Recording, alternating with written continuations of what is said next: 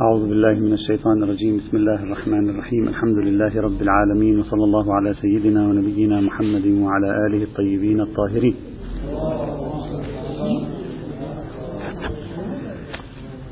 نحاول اليوم إن شاء الله تعالى أن ننتهي من آه، استعراض الأفكار المقاصدية التي طرحها ابن تيمية ويوم السبت القادم نتحدث بشكل مختصر عن ابن قيم الجوزية لنبدأ بالشاطبي يوم الأحد إذا شاء العلي القدير.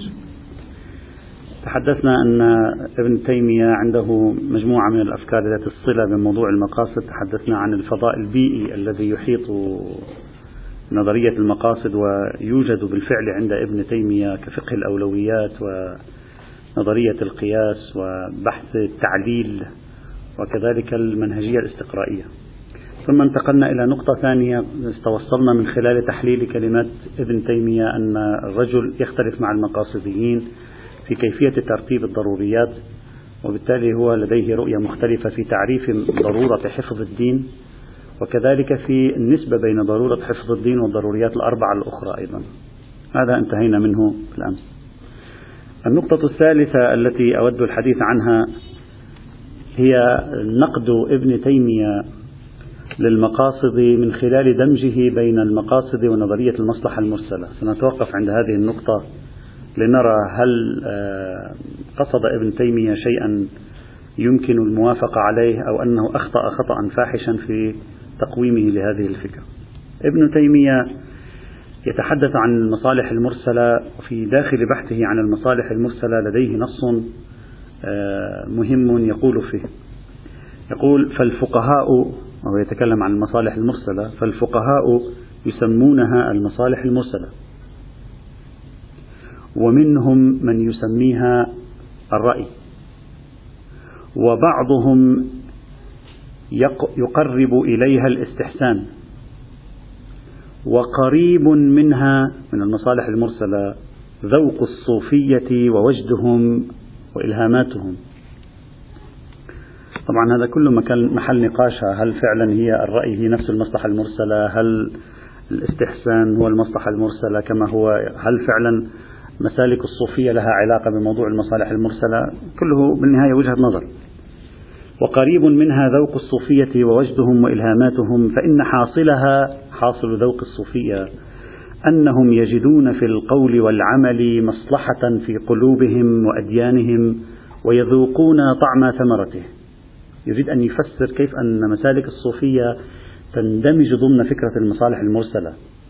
يعني لما يأتي لك الشيخ وأنت مريد له ويقول لك تفعل الذكر الفلاني والذكر الفلاني بالساعة الفلانية بالوقت الفلاني بالكمية الفلانية بالكيفية الفلانية ولهم طرق في ذلك. طرق في كيفية الأذكار والأوراد والمسالك. طرق الشاذلية النقشبندية حتى هناك ما هو مشترك بين الأديان أيضا المريمية وغيرها. يقول هذه في حقيقتها مصالح مرسلة.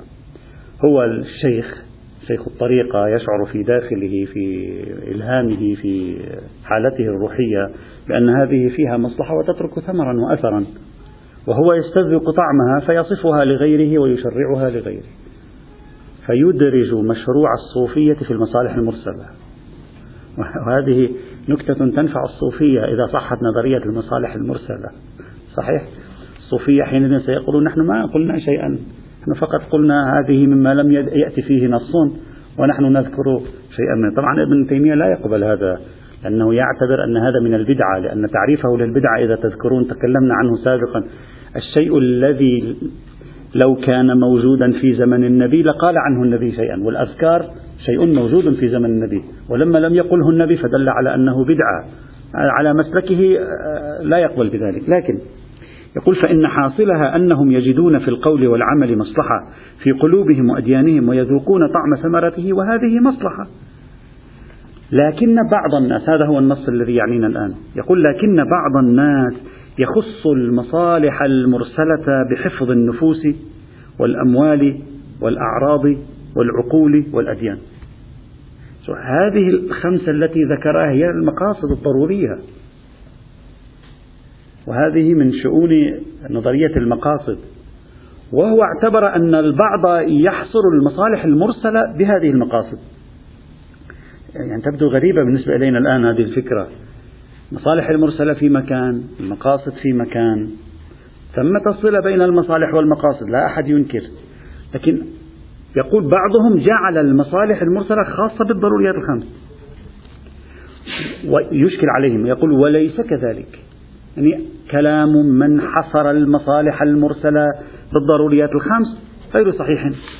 بل المصالح المرسلة في جلب المنافع وفي دفع المضار. يقول المصالح المرسلة ليست خاصة بدفع المضار. المصالح المرسلة تعم دفع مضار وجلب منفعة. ليش قال هكذا؟ الآن سأشرح. يقول المصالح المرسلة في جلب المنافع وفي دفع المضار وما ذكروه من دفع المضار عن هذه الأمور الخمسة فهو أحد القسمين.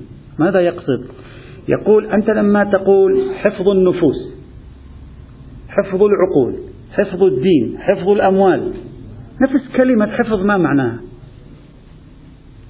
حفظ يعني أن تجعله باقيا لا أن تمنحه مصلحة أن تحميه من الزوال يعني أن تدفع الضرر عنه. أنت لما تقول الضروريات الخمس هي عبارة عن حفظ العقل. ما معنى حفظ العقل؟ يعني أن لا يقع شيء يؤدي إلى زوال العقل. فلما تقول الضرورة هي حفظ العقل فأنت تفكر بذهنية دفع المضار. أنت لا تفكر بذهنية جلب المصلحة. يعني لا تفكر أن تأتي للعقل بشيء جديد. تفكر أن تحميه من أن يزول. استنتج ابن تيمية وهذه استنتاجة لطيفة أن ذهنيتهم في الضروريات الخمس ذهنية دفع مضار وأظن أن استنتاجه جاء من كلمة حفظ التي يكررها المقاصديون دائما. فاعتبر أنهم حصروا المصالح بدفع المضار في حين أن المصالح المرسلة أعم من دفع المضار. وتحقيق المصالح الزائدة الإضافية ليس فقط الحفاظ على الشيء بل تنميته. لذلك قال وما ذكروه من دفع المضار عن هذه الأمور الخمسة فهو أحد القسمين. يعني ليس هو كلا قسمي المصالح المرسلة أحدهما فقط وهو دفع الضرر. وجلب المنفعة يكون في الدنيا وفي الدين ففي الدنيا كالمعاملات والأعمال التي يقال فيها مصلحة للخلق من غير حظر شرعي. وفي الدين ككثير من المعارف والأحوال والعبادات والزهادات التي يقال فيها مصلحة للإنسان من غير منع شرعي. فمن قصر المصالح على العقوبات هذه التي تكشف أن أن ابن تيمية اعتبر أن المقاصديين استنتجوا الضروريات الخمس من أن كل واحدة منها خرقها يؤدي إلى عقوبة في الشريعة. حد الردة وحد السرقة وحد الزنا. الذي قلناه بالأمس. فمن فمن قصر المصالح على العقوبات التي فيها دفع الفساد عن تلك الأحوال ليحفظ الجسم فقط فقد قصر. خلاصة فكرة ابن تيمية هنا هي, هي التالي قال المصالح المرسلة أعم من جلب المنافع ودفع المضار. أما من جعل المصالح المرسلة هي الضروريات الخمس فهو يفكر بذهنية دفع المضار ولا يفكر بذهنية جلب المنفعة. وهذا القصر للمصالح المرسلة على دفع المضار غير صحيح. فهو في الحقيقة سجل إشكالا على المقاصديين سجل إشكالا على القائلين بالمصالح المرسلة الذين ينسب إليهم ذلك. نرى هل في أحد يقول ذلك أو لا أو هذا فقط في ذهنه واشتبه في القضية سنرى الآن. فبهذه الطريقة دمج وهو يصور لنا المشهد بين المصالح المرسلة وبين المقاصد من جهة. ومن جهة ثانية أشكل على حصر المصالح بالخمس التي هي في جوهرها دفع المضار في حين أن المصالح ينبغي أن تكون أعم من دفع المضار وجلب المنافع. هذا حاصل مداخلة ابن تيمية هنا. هذا النص ماذا, ماذا نستنتج منه؟ هذا النص الموجود في كتابه مجموعة الرسائل والمسائل. عنده كتاب ابن تيمية في عدة مجلدات اسمه مجموعة الرسائل والمسائل. هذا النص في المجلد الخامس صفحة 22 هذا النص الذي نقلناه عن ابن تيمية يخبرنا أولا ابن تيمية يبدو منه الربط بين فكرة المصالح المرسلة والمقاصد مع أن نحن المقاصد لم يطرحها أحد في المصالح المرسلة صحيح؟ إلى الآن لم نسمع أحدا طرحها في المصالح المرسلة نظرية المقاصد إما طرحت كليا مثل مع الشاطبي وبدايات ذلك كانت مع العز بن عبد السلام كما رأينا أو طرحت في باب القياس ما حد طرحها في المصالح المرسلة لكن يبدو من ابن تيمية أنه يوحي لنا وكأن فكرة الضروريات الخمس قد طرحت أين؟ في المصالح المرسلة وشكلت رأيا من آراء القائلين بالمصالح المرسلة. هذا أولا. هذه نقطة أولى. إما هو رأى أحدا قال بذلك نحن لم يصلنا. إما هو اشتبه في هذه القضية. إما هو يريد أن يربط بين النظريتين. ممكن هو يريد أن يربط بين نظرية المصلحة المرسلة وبين نظرية المقاصد. ممكن. هذا أولا. ثانيا اعتقد ابن تيمية في هذا النص أن فكرة الضروريات الخمس مبنية على ذهنية دفع المضار وذهنية دفع المضار لا يصح حصر نظرية المصلحة فيها. وبالتالي فكرة الضروريات الخمس فيها نوع من التقصير. لذلك قال فقد قصر هذه الاستنتاجان اللذين نأخذهما من ابن تيمية هنا. لماذا ابن تيمية ربط الضروريات الخمس ببحث دفع المضار؟ نتيجة فكرة العقوبات ونتيجة فكرة الحفظ. مفهوم حفظ الخمسة مفهوم أقرب إلى دفع المضار منه إلى جلب المصالح. لكن ربط ابن تيمية بين المصالح المرسلة وبين بحث الضروريات الخمس اللي هو بحث مقاصدي بامتياز هذا البحث ابتكاري يعني أول مرة نسمع فيه. لم نسمع فيه من قبل. هل أخطأ ابن تيمية؟ هل التبست عليه الأمور دمج موضوعين ببعض في هذا النص؟ حتى الآن المراقبة التاريخية تشير إلى أنه مخطئ في تناول الموضوع. ما ما في شيء من هذا القبيل. دمج بين موضوعين. مثل واحد يريد يدمج بين بحث القياس مثلا لنفرض ويقول نظرية في بحث القياس ينسبها إلى أحد الآراء الموجودة في بحث مثلا حجية قول الصحابي. ما في ربط بينهما. أضف إلى ذلك أنه نسب لبعض. لبعض الناس تخصيص المصلحة بالضرورية الخمس وهذا شيء بعد البحث والتفتيش والتأمل والمراجعة في كتابات القائلين بالمصالح المرسلة وكتابات القائلين بالقياس وكتابات القائلين بالاستحسان وكتابات القائلين بنظرية المقاصد. أصلا لم نجد أحدا يحصر المصالح بالضرورية الخمس لا أعرف لمن ينسب هو. ثم يشكل. لا وجود لهذه الفكرة أصلا. يعني بحسب ما وصلنا لا وجود لتيار في الأمة يحصر المصالح بالضروريات الخمس. لا في باب المقاصد هذا التيار موجود. لأن المقاصدين يقولون أن الضروريات الخمس هي رتبة من رتب المصالح لا هي المصالح. والدليل على ذلك أنهم يؤمنون بالحاجيات ويؤمنون بالتحسينيات أيضا. ولا القائلين بالمصالح المرسلة رأينا أحدا منهم قال ذلك. إلى من ينسب ابن تيمية مثل هذا الكلام. من هو هذا العالم الذي خص باب المقاصد أو حصر باب المصلحة المرسلة بالضروريات الخمس؟ حتى يأتي ابن تيمية مثلا فيشكل عليه. لعله ناظر إلى أحد لم, لم يصل إلينا لعله التبست عليه الأمور دمج بين بعض المباحث لكن على أي حال هذه الفكرة أي نقد نظرية المقاصد من خلال دمجها بنظرية المصالح المرسلة عبر افتراض حصرها بمفهوم دفع المضار في غير صحيحين. الذي يذكره ابن تيمية. أنا الآن أنتقد لا لأجل أننا نريد أن نحقق نظرية المقاصد أنتقد من حيث تحقيق النسبة تاريخيا.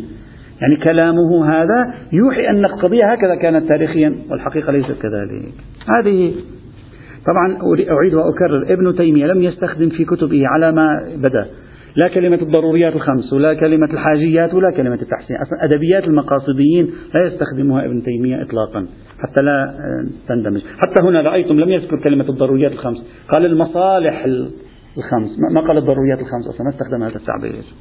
هذه النقطة الثالثة نقطة رابعة ما قبل الأخيرة في عرض ابن تيمية. المقاصدية والذرائعية عند ابن تيمية. واحد من أهم الأمور التي بإمكاننا أن نتوقف عندها عند ابن تيمية هو أن ابن, ابن تيمية واحد من أكثر الذين انتصروا لنظرية الذرائع وفي نفس الوقت نقدوا نظرية الحيل الشرعية كما رأينا سابقا. هلا ما ربط هذه القضية بالمقاصد؟ ما أريد أن أقول بأن توسع ابن تيمية في نظرية الذرائع ونقد الحيل هذا التوسع ربما هو الذي جعل أدبيات المقاصديين غير موجودة عنده.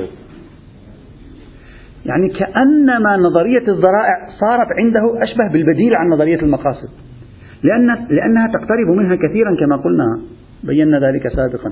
تقترب منها كثيرا فكرة الوسائل وفكرة المقاصد الذريعة وذي الذريعة ولحوق حكم هذه لهذه وثبوت الحرمة لهذه لأجل حرمة هذه. هذه الذهنية مقاصدية. أقول لعل ابن تيمية غابت عنه أدبيات المقاصديين نتيجة توسعه الواضح المعروف في نظرية الذرائع وكأنها صارت هي تجلي المقاصدية عنده. يعني هو مارس المقاصدية أكثر من خلال بحث الذرائع. ونقد نظرية الحيل الشرعية التي رأينا سابقا كيف أنه سجل عليها الكثير من الإشكالات بل ألف فيها مؤلفات مستقلة. نقد نظرية الحيل الشرعية رسالته في إبطال التحليل تكلمنا عنها سابقا. أقول لعل توسع نظرية الاجتهاد الذرائع عنده جعلت ذرائعيته جعلت مقاصديته في ذرائعيته. يعني هناك مارس المقاصدية ولم يستخدم أدبيات المقاصديين إطلاقا فيما تقريبا فيما بدأ آه، لنا والله العالم. وتركيزه على رفض نظرية الحيل يؤكد أنه يحمل ذهنية مقاصدية لأن الذي يحمل ذهنية مقاصدية لا يمكن أن يقبل بالحيل وبالتلاعب الشكلي بالأشياء. لا عادة عادة المقاصد لا يقبل. وهذا يدل على أن ذرائعية ابن تيمية وعدم إيمانه بالحيل ربما يكون هو الوجه المقاصدي عنده. لا أن لديه وجها مقاصديا مستقلا مثل الشاطبي والذرائعية واحدة منها. أرجو التأمل في هذه القضية لأننا الآن سنتوقف عند سؤال هو النقطة الأخيرة. السؤال هل يمكن أن نحسب ابن تيمية على المقاصديين أو لا؟ هل بإمكاننا أن نقول ابن تيمية واحد من العلماء المقاصديين؟ فينا نصنفه في تاريخ المقاصد؟ وإذا كان هو مصنف في تاريخ المقاصد ما هو ما هي الإضافة النوعية اللي قدمها في المقاصد؟ يعني ماذا قدم؟ مثلا عز بن عبد السلام رأينا قدم شيء. سيف الدين الآمدي قدم شيء غزالي قدم شيء جويني قدم ماذا قدم في المقاصد؟ هذا سؤال مهم جدا. ويهمنا في تحليل تاريخ نظرية المقاصد. ابن تيمية في كتاباته من الصعب أن تجد له تنظير اجتهادي أصولي بنيوي لنظرية المقاصد. أبدا لا يشبه الشاطبية في شيء في هذا. الشاطبي مقاصدي ومقاصديته بذهنية أصولية. يقول قعد كما سنرى ينظر يضع خرائط للعمل. ابن تيمية لا نجد شيء من هذا عنده. أصلا لا لا يحلى في الضرورية الإشارات التي عند ابن تيمية المهمة هي التي قلتها لكم الآن. بالإضافة إلى شيء الآن سأقوله بعد قليل. ها هي هذه إشاراته في, في الموضوع. نعم. ابن تيمية قيمته المقاصدية في التطبيق. يعني باعتبار ابن تيمية له توسع في تناول القضايا الفقهية ففي كثير من أبحاثه الفقهية له إشارات في التطبيق تنم عن ذهنية مقاصدية. هذا هو. أما في التنظير ليس حتى لو كان مقاصد لا يشكل حلقة. لماذا أقول ذلك؟ لأن جملة بل كثير من السلفية في عصرنا الحاضر ألفوا مصنفات وكتب ومقالات. أرادوا من خلالها إثبات أن ابن تيمية أحد أعلام المقاصد في تاريخ الإسلام. إلى حد أن بعضهم اعتبره منافسا للشاطبي. هذا موجود في سلسلة من الكتب سلسلة من المقالات التي صنفت لإثبات هذا الأمر. يعني لكي يقولوا بأن السلفية التي يعني يمثل ابن تيمية يعني رأسها لها يد وباع طويل في المقاصدية وهي صاحبة سبق في ذلك. وهذا موجود. بإمكان الإخوة أن سأعطي مثال فقط كتاب واحد بإمكان الإخوة يراجعوه. كتاب الدكتور يوسف أحمد محمد البدوي عنده كتاب اسمه مقاصد الشريعة عند ابن تيمية. مقاصد الشريعة عند ابن تيمية. هذا الكتاب تقريبا 550 صفحة. كله في إثبات أن ابن تيمية أصلا يعد مدرسة في المقاصد. نريد أن نسأل أنفسنا هذا السؤال. هل هذا التصوير السلفي لابن تيمية صحيح من الناحية التاريخية في المقاصد أو لا؟ في تقديري ليس صحيحا. فيه قدر من المبالغة. يعني بصرف النظر عن ابن تيمية لا لا يعني نحن نتكلم الآن تاريخ النظرية. امتياز ابن تيمية في تطبيقه يعني لأنه تكلم كثيرا في الفقهيات وتوسع في المباحث الفقهية. نعم تجد لديه إشارات تطبيقية. أما كصاحب نظرية في المقاصد قدم إضافة نوعية في المقاصد. هذا قناعتي الشخصية أنه لا ما رأيته لا يعطي أن هذا التصوير المبالغ فيه. إلى حد بعضهم يقول إذا كان الشاطبي نجم المقاصديين فابن تيمية شمس المقاصديين. لا هذا موجود هذا في كل المذاهب موجود بس يشوفوا نظرية عظيمة جدا ويريد أن يجعلها له. فيجيب واحد من جماعته يقول لك هو الأصل وأصلا هذه النظرية نحن ابتكرناها وترجع إليه. هذا موجود عند الجميع حتى ليس بين المذاهب داخل المذاهب أيضا داخل كل مذهب موجودة. للحماسة والانطلاق في هذا الموضوع. وإلا لا تجد شيئا يعني إذا كان يوجد شيء فليرشدونا. طيب أنت ستسألني الآن هذا مثلا هذا المثال الذي أعطيتنا إياه واحد كاتب 550 صفحة. هذا ماذا فعل؟ طيب هذا ماذا فعل؟ أنا أقول لك ماذا فعل. هذا حشد التطبيقات. صحيح نحن هذا نسلم به.